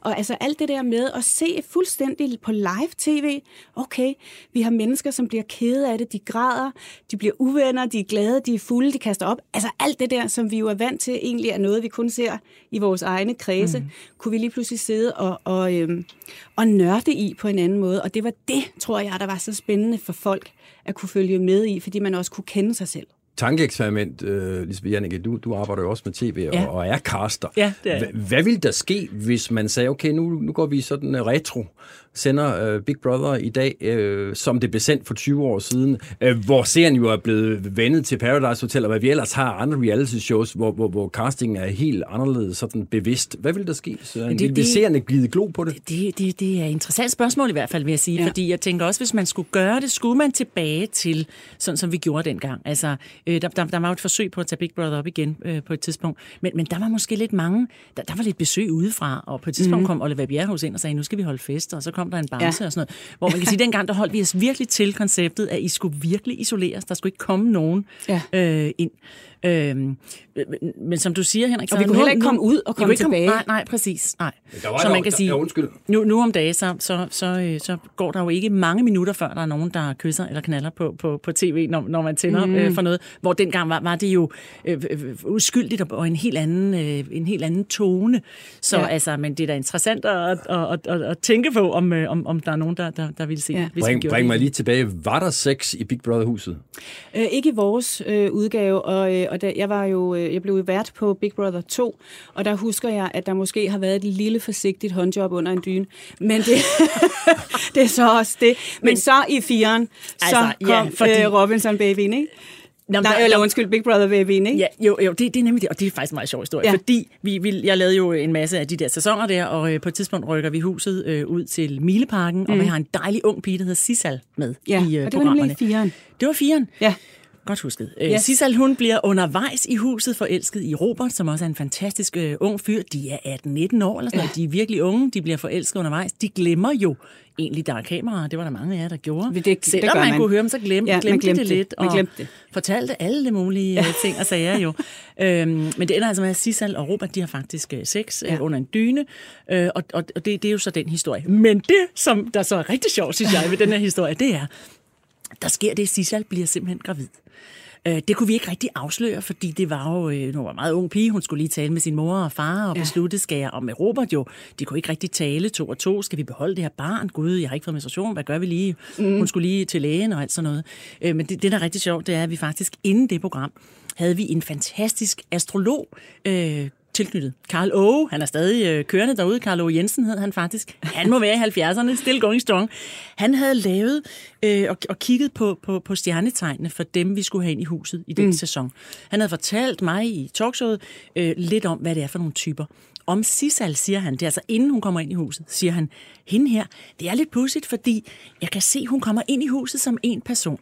Det ser lidt ud, som om hun forlader huset som to personer. Ej, det vildt. Ja, det siger han. Og der tænkte vi jo, nå ja, så har hun måske lært den ekstra side af sig selv at kende, ja. eller noget. Ja. Men da hun så kommer ud af huset, kan jeg jo ikke afsløre, at det er fordi Pina er gravid, fordi hun Nej. var så, så, så nylig gravid. Men ja. efterfølgende kunne man jo sige, det er meget stærkt, meget stærkt kaldt den så, der, Carlo, ikke? Der går ja. en uh, Big Brother baby Der går en Big Brother baby, han hedder Cornelius og er cirka 15 år. Lisbeth Jannik, uh, tv-caster og tidligere vært på uh, Big Brother, og tak fordi du vil kigge forbi. Også tak til dig, Jill Nielsen, og så holder tak. vi DVD, Jill ja. Nielsen. uh, også tak fordi du kiggede forbi til denne fejring af 20-årsdagen for Big Brother-premieren. Tak skal I Ja, det jeg ikke vil sige, fordi jeg gerne vil opretholde en god stemning i studiet, øh, i mig, det var at det der med dildo Jill. Mm. Øh, og så nu gør jeg noget, der faktisk er lidt øh, tageligt måske, men alligevel. Fordi de der to kvinder, som jeg havde studiet, Lisbeth Jannik og, og, og Jill. Jill, Dildo Jill, de stod så og snakkede, og så kunne jeg så høre, at Lisbeth Jannik spurgte Jill, sig mig lige, hvorfor hvorfor var det en dildo, du tog med, og ikke en vibrator? Og det er jo, hvad jeg vil kalde et øh, rigtig godt spørgsmål. Ja. Og jeg tænkte, det gad jeg egentlig godt have stillet i studiet. Men det fik jeg altså ikke lejlighed til, fordi det var Lisbeth Jannicke, der spurgte Jill om det, da vi kom ud af studiet. Og ved du, hvad svaret er? Nej, og jeg vil sindssygt gerne vide det. Svaret er, at øh, Jill egentlig helst ville have haft en vibrator med. Ja. Men sådan en er jo enten øh, el- eller batteridrevet og der frygtede produktionen, at det ville gå i lyden. og derfor var man altså henvist til en, øh, en dildo, der jo som bekendt ikke drives af andet end, så vidt jeg i hvert fald har forstået, håndkraft. Det er et bredt fag, vi er i, det må man sige. det må man sige. Nå, nu skal vi til noget, øh, noget helt andet øh, end dildo og vibrator, hvad vi ellers har forlystet os med. Vi skal nemlig snakke øh, Facebook. Ja. Og, og det var faktisk dig, øh, I Maria, der gjorde mig opmærksom på et opslag fra Morten Messerschmidt øh, på Morten Messerschmidts øh, Facebook-side, hvor Messerschmidt skriver, øh, Sikander Siddiq øh, siger, at han er lige så dans, som jeg er. Hvad ville du sige, hvis du var i, hvis du var øh, Sikander Siddiq? Glæder mig til at høre jeres forslag. Så er der så et billede af Sikander, og så har Morten Messerschmidt lavet sådan en stor, stor taleboble, øh, og så ellers øh, overladt det til sine mange Facebook-følgere at fylde ind i denne Og øh, det skal jeg love for, at de havde lyst til at gøre. Ja, hvorfor var det, lad os lige starte ja. der, hvorfor var det, du synes, at det var noget mærkeligt noget, eller problematisk, eller hvad du nu tænkte? Jamen, jeg kan ikke... Altså, øh, kommentarsporet udvikler sig ret voldsomt, ret hurtigt. Øh, og jeg kan ikke lade være med at tænke på, øh, hvem der har ansvaret for det. Øh, og jeg kan ikke lade være med at tænke på, om Morten, som jeg kender som en meget civiliseret og høflig mand, altså, hvor meget har han vidst om, hvad der ville ske med det her? opslag. Men lad os prøve at høre, fordi øh, jeg er indkaldt øh, Sikander, som jo var manden, der man skulle lægge ord i munden. Altså må jeg lige sige, ja. det er jo for eksempel en kommentar, som selvom man er en øh, gris, hvis man er født i en svinesti, så er man gris uanset hvad. Eller sådan. Altså det, mm, det, det, det er bare lige for at sige. Det, at det var niveauet. Ja, ja. Det, det, ja. Øhm, men altså, det var så, hvad, hvad, hvad jeg lod de to herrer øh, debattere, øh, Morten Messersmith og, og Sikander Siddiq, øh, da de var med lidt tidligere på dagen, og jeg indledte med at spørge øh, Siddiq, hvad han egentlig tænkte, da han så det her øh, Facebook-opslag. Det blev jeg selvfølgelig trist over, øh, fordi jeg har den holdning, at man som politiker, uanset hvor enig man er, så skal man selvfølgelig have en, en, en stil, en dannelse, der gør, at man ikke, hvad kan man sige, opfordrer folk til at komme med hate speech, eller komme med opfordringer til at komme med had øh, talk. Og øh, det her, som øh, Morten Messerschmidt lægger op til her, det er jo det nærmeste, du kan komme på en invitation til at sige, kald ham et, et sort svin eller perker, eller hvad man nu ellers øh, gør, øh, at de 66.000 højre ekstremistiske følgere, øh, altså meget langt ud på den der højrefløj, øh, som der er. Og man kan sige, helt det synes jeg selvfølgelig er ærgerligt, fordi det er jo med til at legitimere og ligesom til at opfordre øh, vælgere og befolkningen derude at sige, hey, kom med noget, som, øh, som, som er hate speech. Dernæst vil jeg sige helt konkret... Hey, det, det får du lov til lige om lidt, fordi vi skal lige rimeligvis også spørge Morten Messersmith, hvad han, fordi vi har nemlig ham med på. Velkommen til, Morten Messersmith. Du er med på en telefon. Tak. Øhm, ja. 66.000 øh, følgere har du. Øh, Sikane Siddiq øh, antyder, at det var nærmest en, en frist, at friste dem over evner og tegne sådan en tol, tom taleboble her. Opfordring til, til hate speech. Hvad siger du til det? Jamen, jeg kan ikke helt forstå det, fordi øh, Sidik gik jo selv ind i tråden og brugte lejligheden til at øh, skrive til de her 66.000 mennesker, øh, om de ikke godt ville støtte hans, øh, hans vælgererklæringindsamling. Altså, Sidik er jo, øh, prøver jo at blive opstillingsberettiget til Folketinget, og der kunne jeg jo se, øh, af, af en af kommentarerne, der jo også havde fået nogle både bemærkninger og likes osv., øh, jamen det var netop den her opfordring til, at man skulle følge et link og så gå ind på jeg tror det er Indrigsministeriets hjemmeside, og, og skrive under på, at han må stille op til, til folketingsvalget. Så for det første synes jeg, det øh, sætter tingene i et lys, hvor man vil ikke kan sige, at mine følgere er øh, nogle højere ekstremister, fordi hvorfor skulle Siddiq så benytte lejligheden mm. til at men og det, samle underskrifter. Men, undskyld mig, Morten Messerschmidt, er det ikke bare udtryk for, at nu er opslaget og så kan Siddiq lige skal få det bedste ud af det? Altså, det ændrer vel ikke på, at du har opfordret dine følgere til at skrive rettigheder i i den der øh, talebobler. Nu har jeg lige været inde og tjekke, og jeg skal ellers lige love for, at opfordringen bliver, bliver fuldt. Altså, jeg spørger lige igen, øh, hvorfor opfordrer du til, at folk skal skrive grimme ting øh, på Facebook om øh, Siddiq? Det gør jeg jo heller ikke. Jeg skriver jo ikke, at, øh, at folk skal skrive grimme ting. Øh, det, jeg laver, det synes jeg er en lille munter øh, ting, hvor folk øh, kan sætte sig ind i, øh, i den disput, der er mellem Siddiq og mig om det med, med danskhed. Det er jo et tema, som jeg ved, at Siddiq går, går meget op i. Øh, og der er der øvrigt også ting, der bliver skrevet derinde, som ikke er noget, øh, jeg ville sende til min bedstemor på et julekort, altså om, øh, om mig. Øh, så jeg kan ikke forstå, hvorfor Siddiq er så, øh, så fint følende. Altså, det, det minder især jo, fordi han benytter lejligheden til at reklamere efter underskrifter til sin, til sin opstillingsberettigelse, minder det jo mest af alt om, at han er så desperat efter opmærksomhed. Og det er jo så også lykkedes her, altså ved at anklage mig for at stille min side til rådighed for noget, han ikke bryder sig om. I hvert fald noget af det, at øh, så kan han komme i radioen. Og, og helt ærligt, øh, Siddiq, nu har jeg lige øh, hørt om en debat, der har været i Folketingssalen, og du, du er jo en politiker, der øh, ikke er nogen kostfaktor. Du går til stålet, du angriber dine modstandere. Skal du så ikke lade være med at, at pive over, at øh, du får lidt igen af, af samme mønt? Jeg vil sige, at øh, hvis du kigger på mit track record, så vil du aldrig nogensinde se mig, at jeg personligt går efter øh, nogle politikere. Jeg går altid efter substansen af bolden, og der går jeg til stålet. Og det, der er bare vigtigt for mig at sige i den her sag, det er bare, at man skulle jo nærmest man skulle altså tænke, at man efter så mange år i politik stadig ikke, at det er gået op for en, at når vi som politikere er ude at sige noget, så legitimerer det holdninger, så forplanter det sig ude i samfundet.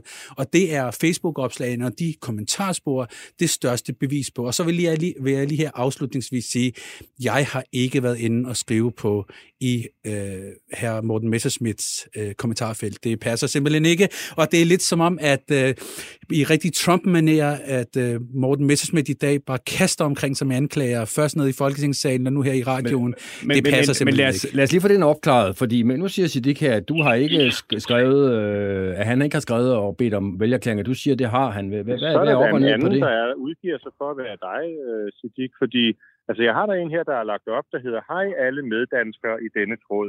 Husk at give en vælgererklæring, så jeg og Frie Grønne kan stille op til næste folketingsvalg. KH, kys og kram fra Sikanter. Og da, den, øh, blev, da jeg så den, der var der 65, der havde været inde og henholdsvis lave likes og hjerter, og så også nogen, der måske er knap så velsignende. Det forstår jeg da ikke. Altså, hvem har så lagt den op? Er det dig, der har skrevet det? Det er ikke mig, der har skrevet den, nej. Og Hvem jeg, er det så? Jeg, jeg ved ikke, hvem, hvem er, hvad for en vis profil er det fra? Ja, der er et ansigt af dig, og så står der Sikander Siddiq. Er det en fake Jeg, profil? jeg tror faktisk tidligere, at den sendte den ind til redaktionen, så måske der er en eller anden, der har den. Der Ja, men, men, men, men man kan så sige, og uanset hvad, altså jeg, det er i hvert fald ikke mig, der har skrevet den. Jamen, du, må, du, må vel, du må vel have styr over, hvem det er, der sidder og skriver Nå, på men jeg kan, jeg, jeg kan sige, jeg er, i hvert fald, jeg er i hvert fald ikke bekendt med det, men det legitimerer jo ikke, at man opfordrer til hate speech. Altså, nu må vi lige sætte tingene lidt i, i perspektiv her.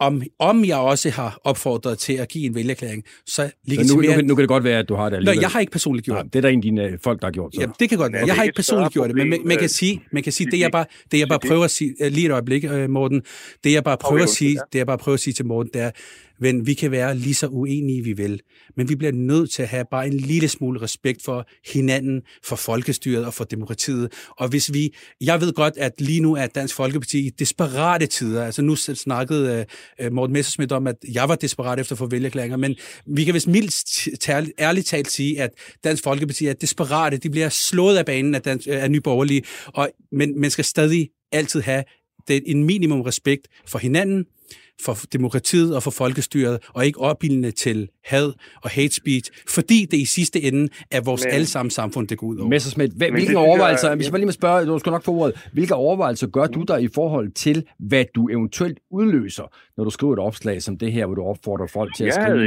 ikke, jeg havde troet, at Siddiq ville være, ville være glad for at få den her debat i gang. Altså, Siddiq øh, vil jo gerne diskutere det her med danskhed. Det er jo det, der er, er, er udgangspunktet. Der er en artikel der på det offentlige, øh, hvor, som han har lavet, øh, hvor, hvor han siger, at han er lige så dansk så, jamen, øh, som jeg er.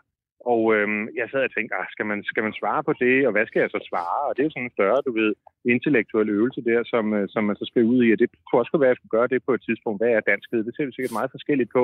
Men så tænkte jeg, kan jeg vide, hvad folk på Facebook egentlig øh, tænker i den anledning? Og Siddiq øh, lægger jo ligesom op til, at vi gerne vil have den debat, men åbenbart så kun fra nogen.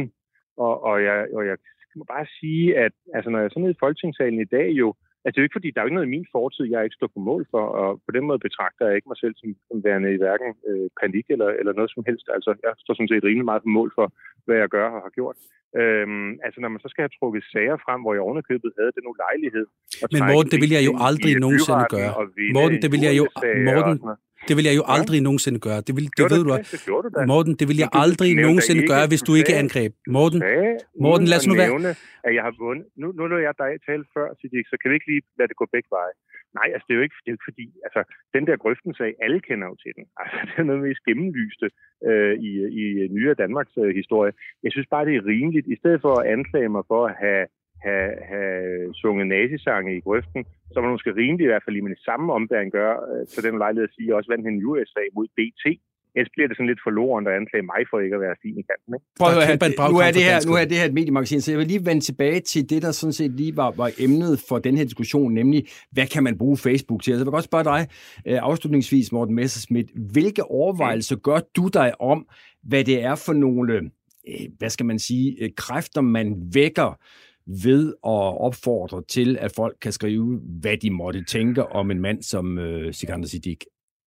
Jamen, det, altså, jeg er nok lidt kommet til den erkendelse, at det er sådan the name of the game i den forstand, at du ved, en gang imellem, så kan man gå ind og kigge, sådan søge på sit navn, hvor man så kan se, hvad bliver der skrevet i forskellige tråde på Facebook om en som folkevalgt politiker.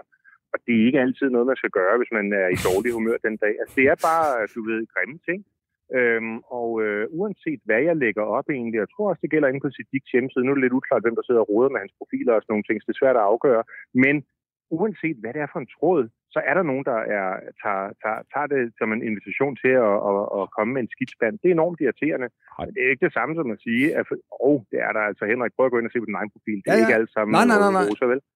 Øh, så, så sådan er det jo bare. Og, Men må jeg ikke bare lige spørge det- dig- må jeg ikke lige spørge dig, Det er øh, ikke Smes- sådan, at jeg har skrevet, at kom nu, hvem kan finde på de værste adjektiver om Sikander Siddiq? Altså, det er det, jeg har skrevet. er du har bare sikker- skrevet, er du sikker på- Siddiq, hvad vil, hvad vil du så sige? Jamen, er du sikker på, at det i virkeligheden ikke er det, du har skrevet? Altså, hvis vi nu skal være ærlige. Ja, jeg er Nå, sikker på, Henrik. Er du det? Har, har, du været, har, du været nødt til, har du været nødt til at fjerne nogle opslag, nogle kommentarer i den der tråd? Det eneste, jeg har fjernet, det var, det var Siddiq, øh, og det var jeg lidt i tvivl om. Altså, den skjulte fordi jeg tænkte, ah, kan det virkelig være rigtigt, at han skal sådan ind i mit feed og begynde at samle underskrifter? Og det er jeg jo glad for, at jeg gjorde nu, fordi det var et falsk opslag. kan. Så, så, så selv tak, Siddiq. Ja, det var altså Sikander Siddiq og øh, Morten Messersmith, der, han har sagt, endnu en gang krydsede et klinger her.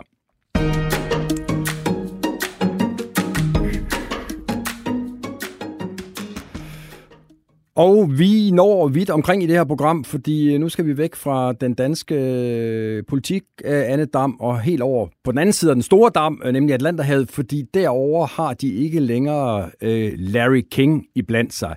Denne legendariske journalist og interviewer øh, døde i den forgangne uge, 87 år gammel. Uh, og jeg tror, at alle, der har set bare en lille smule CNN gennem årene, kan genkalde sig billedet af manden med de uh, legendariske uh, seler, sidde der i studiet med sin kaffekop. Uh, jeg talte lidt tidligere med uh, Kjell Reinicke, tv-kender og i øvrigt også tidligere medarbejder på CNN, lidt tidligere på dagen, og spurgte Kjell Reinicke, hvad det var, der gjorde Larry King så god.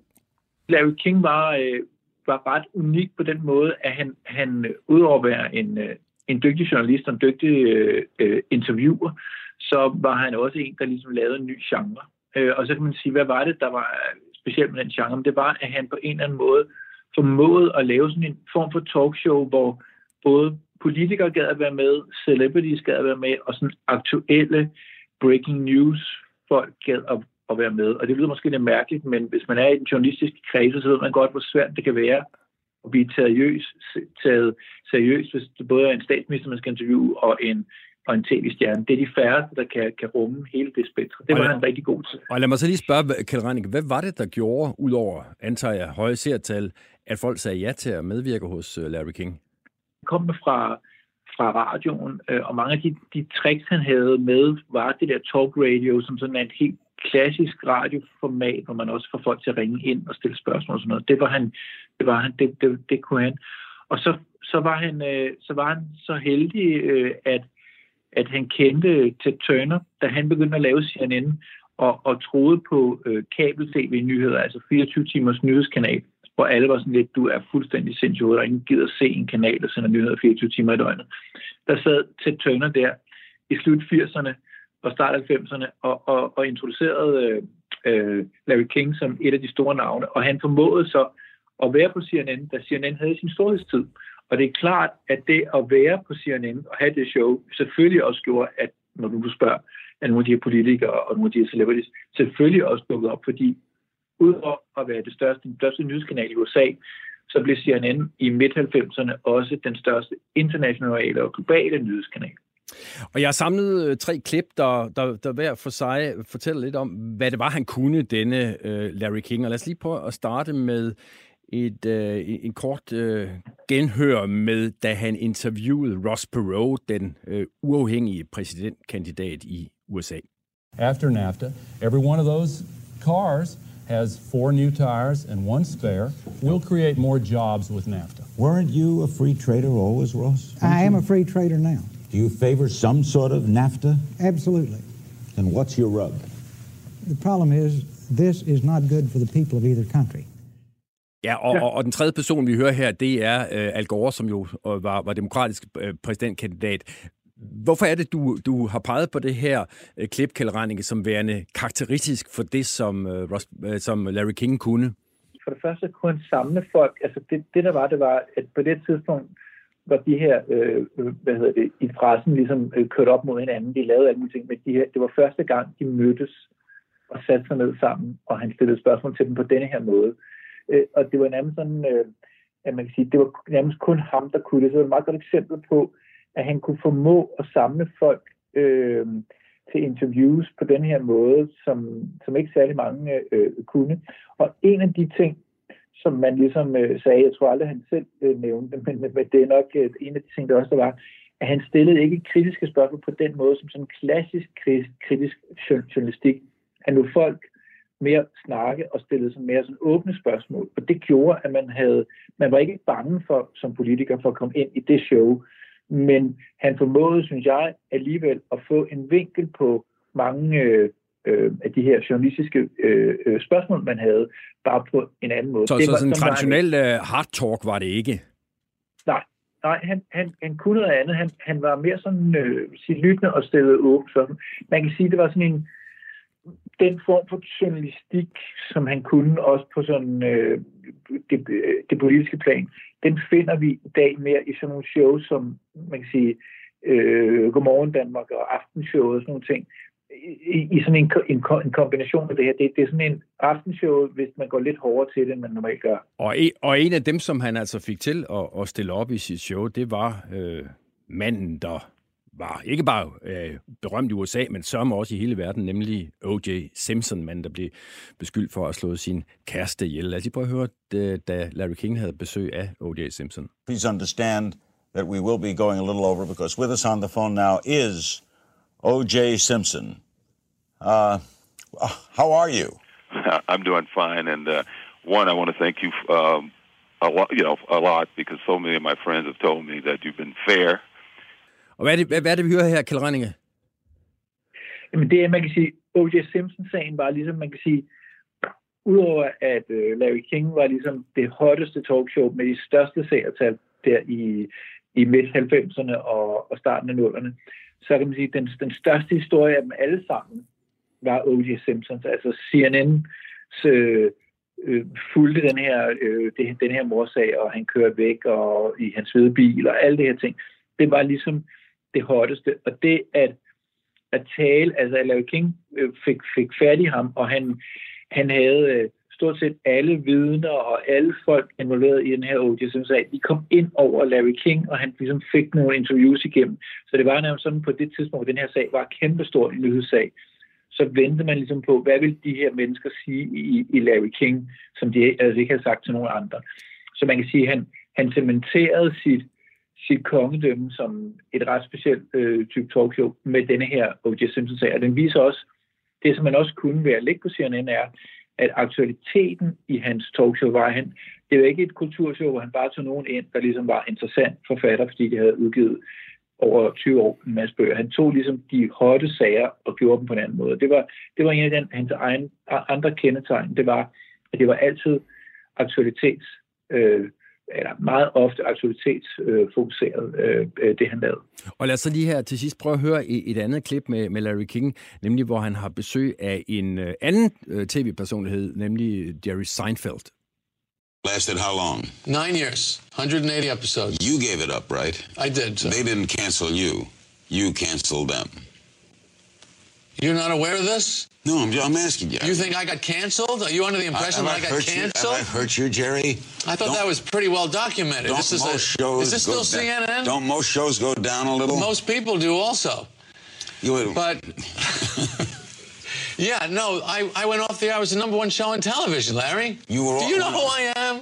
Det er det her øh, jo ganske animerede, den her ganske animerede samtale mellem Seinfeld og, og, og Larry King. Hvad er det, der sker her? Jamen, altså, man kan sige, det, det der er meget sjovt ved det, det er, man kan sige, det, det, det er et af de sjældne øh, tidspunkter, hvor Larry King bliver sat, sat på plads af ham, af dem, han bliver, bliver interviewet med, fordi at Seinfeld var faktisk ret sur over det her. Øh, han blev meget... Øh, øh, så, så hvad hedder det, han blev ret sur over de, de, de, de, det, der skete der. Men man kan sige, det der var, grunden til, at jeg synes, at det er en interessant klip, og det her, det viser også noget om, øh, Jerry Seinfeld her er en af de største komikere på det tidspunkt, og han har et af de største tv-shows. Øhm, og, og hvad hedder det? Og det der bare var, det var, at, at det her med, at alle gad at komme derind. Så det var også en måde, og de største filmstjerner, de alle de her ting, de, de stillede altid op øh, hos, øh, hos Larry King. Og, og CNN pressede også celebritiesne med at sige, hvis, hvis, du ikke, hvis du kommer ind hos nogle af de andre først, så kommer du ikke hos os. Så de var meget, meget gode til at, at have ham kørende til at have, han havde de allerførste interviews med de allerstørste stjerner. Uh, så de her til allersidst, Kjell Reinicke, de der seler, som han jo ligesom gjorde verdensberømte, var det bare krokeri, eller gik han med seler? Altså, øh, nej, det var ikke, altså han havde, øh, det var ikke krokeri. Altså, da jeg så ham, ligesom da jeg var på CNN, og han kom ligesom ned i, i kantinen, så havde han simpelthen også de sæler på. Det var ikke bare sådan noget, han ligesom tog af, så ej, nu er jeg endelig færdig, nu tager jeg det af. Det var ligesom øh, øh, sådan, øh, ligesom, ligesom hvis man har set den der øh, øh, øh Wall Street-film øh, der, altså det var sådan et, et look, man havde sådan et, det var sådan et business look, fordi det var ikke fordi, han, han var så tyk, at han ikke kunne have sin, øh, sit bælte på. Det var ligesom et, et bevidst valg det her, og så blev det så selvfølgelig mere og mere ikonisk, lige så meget som hans seler, og så den scenografi, der var bagved med det der verdenskort, sådan nogle, med sådan nogle prikker, øh, der var lavet sådan, det var, det var meget ikonisk og meget øh, klogt at gøre, fordi man, det, var, det var ligesom bare det, man skulle have, altså mikrofonen og hans seler og sådan noget, det blev også en del af introen. Øh, der er sådan en, en nu i, i anekdotetingene, der var jo forskellige primært på DR forsøg på at lave sådan nogle shows her, hvor man også prøvede at lave den der scenografi øh, flere gange. Sådan noget øh, Greg Stirken Holmfeldt tror jeg prøvede at være den danske lave King i en kort stykke tid og sådan noget. Men, øh, men det lykkedes vist og ikke, ikke helt. Nej, det lykkedes ikke helt, men også været ved at se øh, uh, Gregers Stirken Hornfeldt som en anden Larry King, der så altså ikke længere er i, i blandt os. Vi er nået til øh, vejs ende i det her jo ganske lange pro- program. Øh, altså til vejs ende for sådan noget. Nu skal vi til i gang med, med, med det sidste indslag, og det handler om noget, som jeg tror alle, der har været på 24-7, og det har både du og jeg jo været Ja. i Marie, Ja. har et forhold til, nemlig øh, Radio Loud, fordi man kan jo ikke som tidligere øh, 24-7-medarbejder rigtig tænke, øh, sådan har jeg det i hvert fald, loud, uden at også at tænke, det kunne have været Mm. 24-7. Har ja. du også sådan? Ja det, ja, det synes jeg. Og det er jo selvfølgelig ikke så konstruktivt. Men, Nej, og måske ikke så fair for dem, der så fik den, fordi man kan jo mene meget om... Man kan Ja. mene Jeg meget kan om huske ud- dengang, vi startede med at sende, hvor vi overtog frekvensen fra P2. Altså, det var også meget, meget ubehageligt. At det med at tage, tage noget fra nogle andre, ja. det er aldrig et godt sted at starte. Og man kan jo ikke andet end tænke, at det, det har skulle været noget af en, en hård start. Det er for en de bombetur. Der, ja, for Søren. Øh, de er stadig nærmest ikke målbare på, i Gallups øh, radiometer, for hvor mange der sådan lytter på, på DAB. Øh, Og nu, det nye er så, at de er blevet øh, målbare i forhold til podcast. Det har mm. hidtil været sådan lidt en hemmelighed, hvor mange, der downloadede øh, Louds programmer på podcast. Det er der så kommet tal for nu, og øh, det skal vi høre om i det sidste indslag her i dag, hvor jeg har eller havde besøg af Rasmus Mark Pedersen, som er øh, nyudnævnt øh, podcastdirektør, tror jeg titlen Digital er. direktør, Digital direktør, ja. ja. jeg, tror, det ligger ham meget på sinde, at vi får det sagt rigtigt. Så Mhm. han er digital direktør, øh, Rasmus Mark, øh, og jeg spurgte ham, hvad han egentlig ville med sit job på Loud. Jeg har tænkt mig at sørge for, at vores podcast rent faktisk kommer ud til folk. Altså lige i øjeblikket har vi jo en situation, hvor vi laver helt vildt meget godt indhold, men hvor at folk ikke rigtig har opdaget det endnu. Så det er min fremmeste opgave at få fortalt folk, at vi har nogle fantastiske titler, øh, nogle fantastiske podcasts, nogle fantastiske radioprogrammer og en fantastisk radiokanal på DAP, som øh, folk rent faktisk burde lytte til. Fornærmer jeg dig meget i dit nye job, hvis jeg siger, at du er blevet direktør et sted, der gør det i stridspis i mørke? Nej, øh, du fornærmer dig ikke meget, men, øh, men du har jo ikke fuldstændig ret. Altså, øh, øh, i øjeblikket er der da øh, kommet lys på, øh, på i hvert fald et par bryster, øh, og så må vi se, om der titter mere frem. Øh, vi har jo rent faktisk 40.000, øh, mellem 30 og 40.000 lytninger øh, på vores podcast i øjeblikket, og det er, øh, det er noget, vi er stolte af. Vi ved også, det er drevet af nogle få rigtig fede programmer, og det vil sige, at min opgave er, at der skal være mange flere programmer, men, som øh, kommer og får den succes. Men lad os så lige holde fast i det, du siger, du er stolt af. I har, ja. øh, siger Dansk Podcast Index, som I jo først lige her for nylig er, er, er kommet på, at der er 40.000 lytninger på jeres programmer til sammen. Ja. Det er jo sådan svarende til, hvad et, en enkelt mellemgod udsendelse øh, i øvrigt kan få øh, på Podcast Index. Altså 40.000. Er det en du taler om? Ja, vi ligger der deroppe af, ikke også? Ja. Øh, og, og det er så, hvad Laut øh, kan klare til sammen. Er det tilfredsstillende? Nej, det er jo ikke tilfredsstillende som samlet tal, men det er tilfredsstillende som, som del i forhold til, hvor vi startede, øh, hvor mange problemer vi har haft undervejs, og hvor vi så er nu. Altså, man skal altid se det som en, som en del af et, et, et større hele. Så, så øh, hvis vi står her, og vi kun har 40.000 om et år, så vil det være øh, en fiasko. Det kan vi to godt sige til hinanden. Ja, fordi Rasmus, man er nødt til at se det i, du siger, at man skal se det i et større hele, ja. og det større hele kunne jo også være de, vil jeg godt tillade mig at sige, ganske mange penge, øh, der vælter ind hos Laut. Klar. Øh, og, og det er vel også i det lys, man skal se, at den bedst placerede øh, podcast, det er det, der hedder TikTok-manden har 7.000 øh, streams mm. øh, på en uge, og, og det er nok til, jeg tjekkede det lige, det er nok til en 70. 20. plads mm. på, øh, på, på listen, og så kommer de ellers øh, derned af. Øh, altså, i lys af, hvor mange penge I får, så kan det umuligt være tilfredsstillende, Rasmus. Det er tilfredsstillende derhen, at det er utroligt nyt for os at øh, være der. Altså, øh, altså, når man går ind til, til, til en fest, så øh, snakker man jo ikke med alle i løbet af de første 10 minutter. Nu, nu skal vi lige i gang. Fordi det, du må forstå, er, vi har brugt al energien det første halve på år på at leve op til vores sendtilladelse. Det er det, der er det vigtige. Det er det, som staten stiller krav om. Det er, at vi lever op til sendtilladelsen. Og så stod vi der efter et halvt år, og du har jo kigget ind i det lige så meget som jeg. Der var ikke rigtig nogen, der lyttede på DAP. Så siger vi, hvad gør vi så? Der blev blandt andet ansat en podcastredaktør, som tilfældigvis var undertegnet, øh, som lavede, lagde ting om og lagde en strategi. Men at gøre det, mens at man har mennesker hjemsendt og corona, og, og hvor de halser bare for at udkomme, mm. så er det, sku, undskyld øh, udtrykket, en stor opgave at bare lige lave nogle podcast-succeser. Men du får det til at lyde som om, at det er helt nyt, at I ligger som podcast. Altså, som jeg har forstået det, nu må du rette mig, så er I jo ligget som podcast hele tiden. Øhm, det er, det er både rigtigt og forkert. Altså, vi har jo haft øh, lange programmer til at ligge som podcast. Hvem i alverden gider at lytte til tre timer hver dag, der udkommer som podcast? Vi har simpelthen ikke haft formaterne, der egner sig til podcast.